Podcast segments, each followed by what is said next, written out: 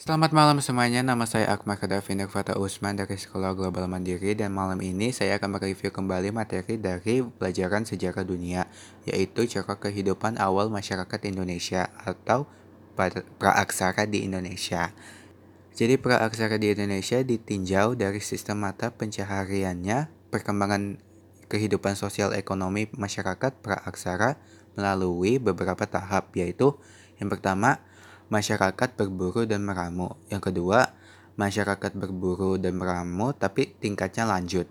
Dan ketiga, masyarakat bercocok tanam dan beternak. Dan yang terakhir adalah masyarakat perundagian. Untuk lebih jelas bagaimana kehidupan manusia dari tahapan jika dilihat dari aspek kepercayaan, sosial, budaya, ekonomi, dan teknologi, mari kita lihat. Yang pertama kita akan mereview masa berburu dan mengumpulkan makanan yang itu yang pertama. Pada masa itu, kehidupan masyarakat berburu dan mengumpulkan makanan ini sangatlah sederhana. Kehidupan mereka tak ubah seperti kelompok hewan karena bergantung pada apa yang disediakan oleh alam.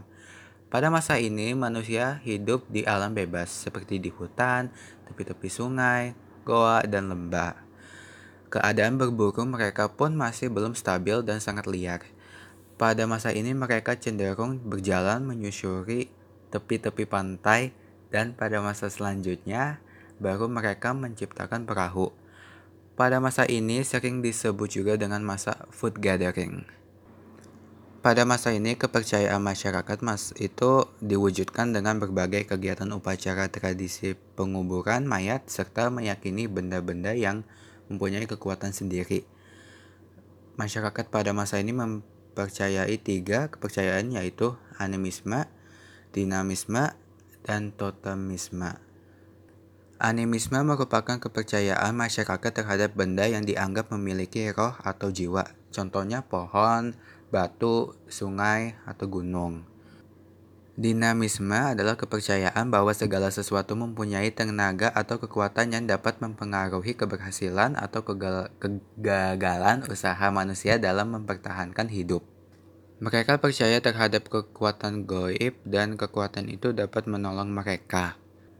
Kekuatan goib itu terdapat di dalam benda-benda seperti patung, gunung, pohon besar, dan sebagainya. Untuk mendapatkan pertolongan kekuatan goib tersebut, mereka melakukan upacara pemberian sesaji atau ritual lainnya. Dan yang terakhir totemisme adalah kepercayaan bahwa hewan tertentu dianggap suci dan dipuja karena memiliki kekuatan supernatural. Hewan yang dianggap suci antara lain sapi, ular, dan harimau. Pada masa ini sosialnya masyarakat mengumpulkan makanan dan telah mengenal kehidupan kelompok. Hmm, jumlah anggota dalam setiap kelompok sekitar 10-15 orang. Mereka selalu hidup berpindah-pindah. Hubungan antar anggota kelompok sangatlah erat. Mereka bekerja sama untuk memenuhi kebutuhan hidup serta mempertahankan hidup mereka. Masing-masing kelompok memiliki pemimpin, dan mereka menghormati pemimpin mereka masing-masing. Ciri-ciri kehidupan sosial masyarakat pada masa itu belum mengenal cocok tanam dan hidup berburu dan bermaru. Manusia masih hidup secara nomaden atau berpindah-pindah dalam kelompok kecil. Dan alat yang digunakan berupa peralatan batu yang besar dan kasar. Masyarakat menggunakan alat batu besar dan kasar seperti kapak batu, dan belum ada pembagian kerja dan stratifikasi sosial atau pelapisan sosial. Budaya pada masa hit, budaya pada masa itu menggunakan peralatan yang sangat sederhana. Mula-mula bisa membuat rakit, lama-kelamaan mereka membuat perahu.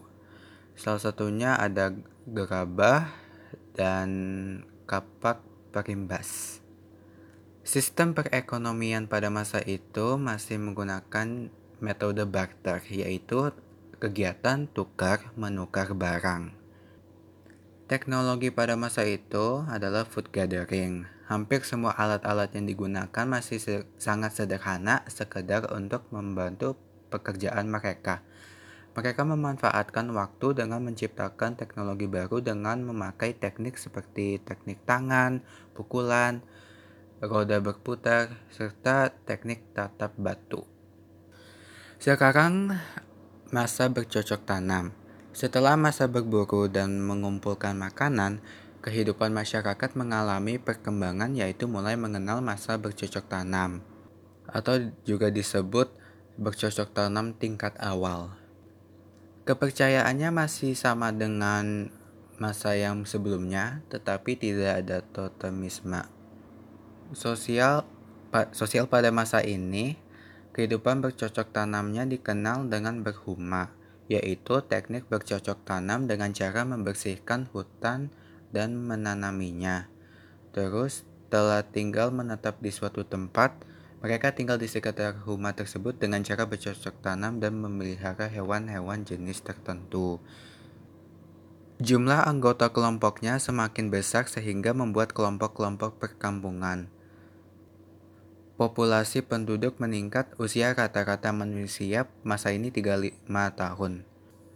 Muncul kegiatan kehidupan perkampungan, oleh karena itu dibuat peraturan untuk menjaga ketertiban kehidupan masyarakat. Terus diangkat seorang pemimpin yang berwibawa, kuat, dan disegani untuk mengatur para anggotanya. Terus mereka hidup gotong royong, saling membantu, saling berinteraksi.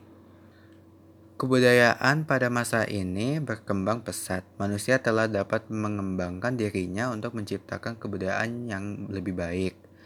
Peninggalan kebudayaan manusia pada masa bercocok tanam semakin banyak dan beragam, baik yang terbuat dari tanah liat, batu, maupun tulang. Salah satunya adalah beliung persegi dan kapak lonjong. Pada bercocok tanam, manusia tidak lagi sepenuhnya bergantung pada alam Manusia sudah mampu mengolah alam untuk memenuhi kebutuhan hidup, tetapi masih menggunakan metode barter. Dan pada teknologi, teknologi mengalami perkembangan yang luar biasa. Pada masa ini terjadi revolusi secara besar-besaran dan peradaban manusia yang dari kehidupan food gathering menjadi food producing. Dan yang terakhir adalah masa perundagian. Masa perundagian memiliki peran penting dalam perkembangan sejarah di Indonesia. Hal ini dikarenakan pada masa ini hubungan antar daerah-daerah di sekitar Kepulauan Indonesia sudah terjalin. Masa perundagian ditandai dengan adanya keterampilan untuk membuat alat-alat dari bahan logam. Alat berbahan logam tersebut diproduksi dan digunakan untuk memenuhi kebutuhan sehari-hari, seperti bertani, peralatan upacara, dan berburu.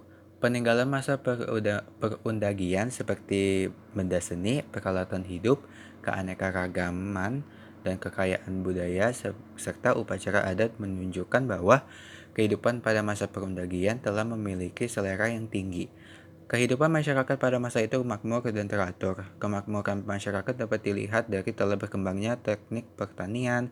Hal ini mengakibatkan sektor pertanian mengalami perkembangan yang pesat dan berdampak pada kemajuan perekonomian. Aspek teknologi merupakan unsur yang penting pada masa perundagian dalam kaitannya dengan perkembangan ekonomi, terutama kita ketika teknik peleburan logam untuk membuat perkakas telah dikenal. Selain itu juga teknologi untuk membuat gerabah juga mengalami perkembangan. Perkembangan tersebut dapat dilihat dari semakin kompleks dan beragam bentuk maupun motif hiasannya. Dengan semakin kompleksnya aktivitas manusia dalam suatu kelompok maka memerlukan adanya suatu sistem pengawasan sehingga konsep tentang pemimpinan dalam masyarakat semakin terlihat. Pada masa perundagian, pola kehidupan perkampungan atau desa-desa mengalami perkembangan semakin besar karena mulai bersatunya beberapa kampung. Kemunculan perkampungan besar ini disebabkan karena semakin tingginya kegiatan perdagangan antar perkampungan dalam bentuk barter. Jenis barang yang diperdagangkan pun semakin beraneka ragam karena perdagangan telah mencakup wilayah yang luas, mencakup Asia Tenggara. Kepercayaan pada masa ini sama juga dengan uh, masa sebelumnya, animisme dan dinamisme, tapi tidak ada totemisme. Sosial, jumlah penduduk semakin bertambah, Mereka memiliki pengetahuan tentang gejala alam dan musim, dan dalam masyarakat muncul golongan undagi. Mereka merupakan golongan yang terampil untuk melakukan pekerjaan seperti pembuatan rumah kayu, gerobak, maupun benda logam. Dan pada budaya di masa ini, masyarakat zaman ini telah menunjukkan tingkat budaya yang tinggi terlihat dari berbagai bentuk benda seni dan upacara yang ditemukan menunjukkan keterampilan masyarakat perundagian yang tinggi. Zaman ini yang saya sudah beritahu dikenal dengan zaman besi. Manusia telah menemukan logam yang jauh lebih keras lagi di mana harus dileburkan dan titik lebur yang cukup tinggi sehingga alat-alat pada zaman ini telah lebih sempurna daripada sebelumnya. Kehidupan seperti ini menunjang terbentuknya kebudayaan yang lebih maju yang memerlukan alat-alat pertanian dan perdagangan yang lebih baik dengan uh, dengan bahan-bahan dari logam. Hasil-hasil peninggalan kebudayaannya antara lain negara perunggu, itu salah satunya. Negara perunggu berfungsi sebagai pelengkap upacara untuk memohon turun hujan dan sebagai kendaraan perang, memiliki pola hias yang beragam dari pola bin binatang, geometris, dan tumbuh-tumbuhan. Ada pula yang tak bermotif, banyak ditemukan di Bali, Nusa Tenggara, Maluku, Selayang, Papua. Ya gitu. Makasih atas perhatiannya. Maaf jika ada kesalahan dan maaf kalau saya berhenti-henti mulu. Thank you.